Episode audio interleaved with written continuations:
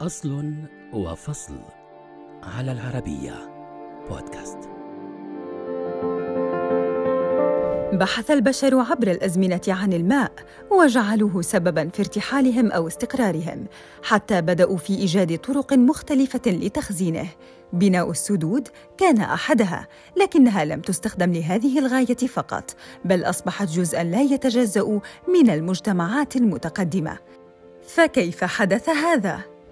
ربما كان سكان بلاد ما بين النهرين القدماء من أوائل من بنى السدود. فأقدم سد معروف هو سد جاوا الذي تم بناؤه من الحصى والصخور بالقرن الرابع قبل الميلاد في الأردن. بلغ ارتفاعه خمسة عشر قدماً وكان يتسع لنحو مليون ومائة ألف قدم مكعب فشكل إنجازاً معمارياً آنذاك مع مميزات أمان مبتكرة جعلته قائماً حتى سنوات قليلة مضت حيث دمر جزئياً. وفر هذا السد للمزارعين مصدرا ثابتا للمياه لري المحاصيل وسد احتياجات السكان الغذائية بمنطقة ما بين النهرين.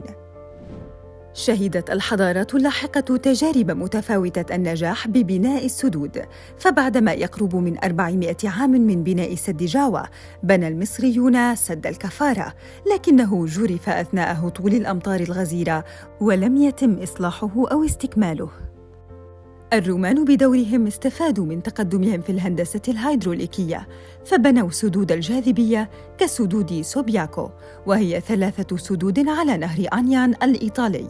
بلغ حينها ارتفاع أكبرها 165 قدماً واعتبر الأطول بالعالم إلى أن تم تدميره في عام 1305 بالمقابل بقي سد الجاذبية الروماني كورنالفو يمد سكان ميريدا بإسبانيا بالمياه حتى اليوم.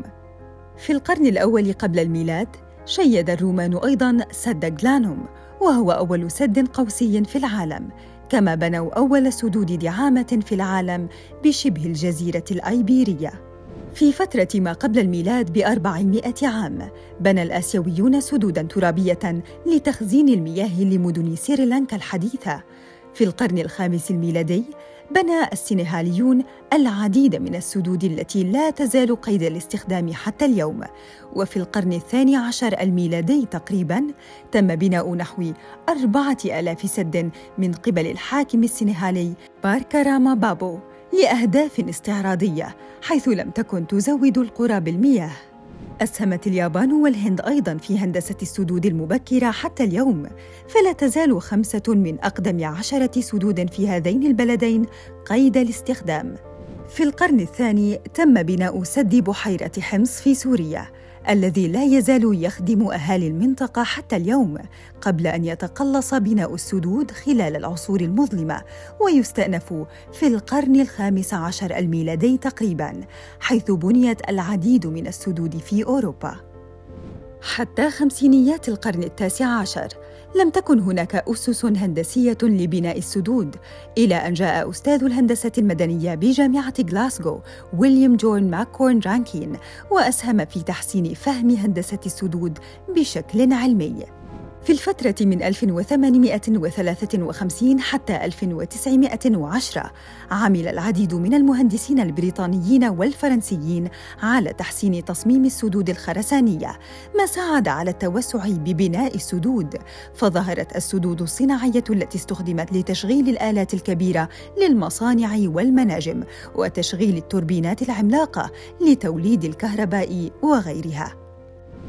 مع أوائل القرن العشرين وتزايد الطلب على الكهرباء تم بناء السد الكبير في أمريكا كما وجه الرئيس فرانكلين روزفلت ببناء سدود ضخمة وكان من أشهرها سد هوفر الذي اعتبر أطول سد في ذلك الوقت بارتفاع 222 متراً.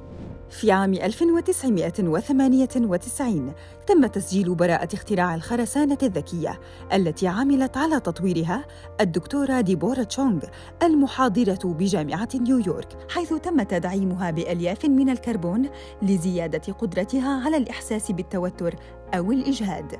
وبالتالي تغطية العيوب في البناء ما شكل طفرة نوعية في بناء السدود لاحقاً. شهدت الأعوام المئة الماضية مساهمات كبيرة بهندسة السدود ومع الطلب المتزايد على المياه والطاقة يتوقع أن تسجل المزيد من الابتكارات.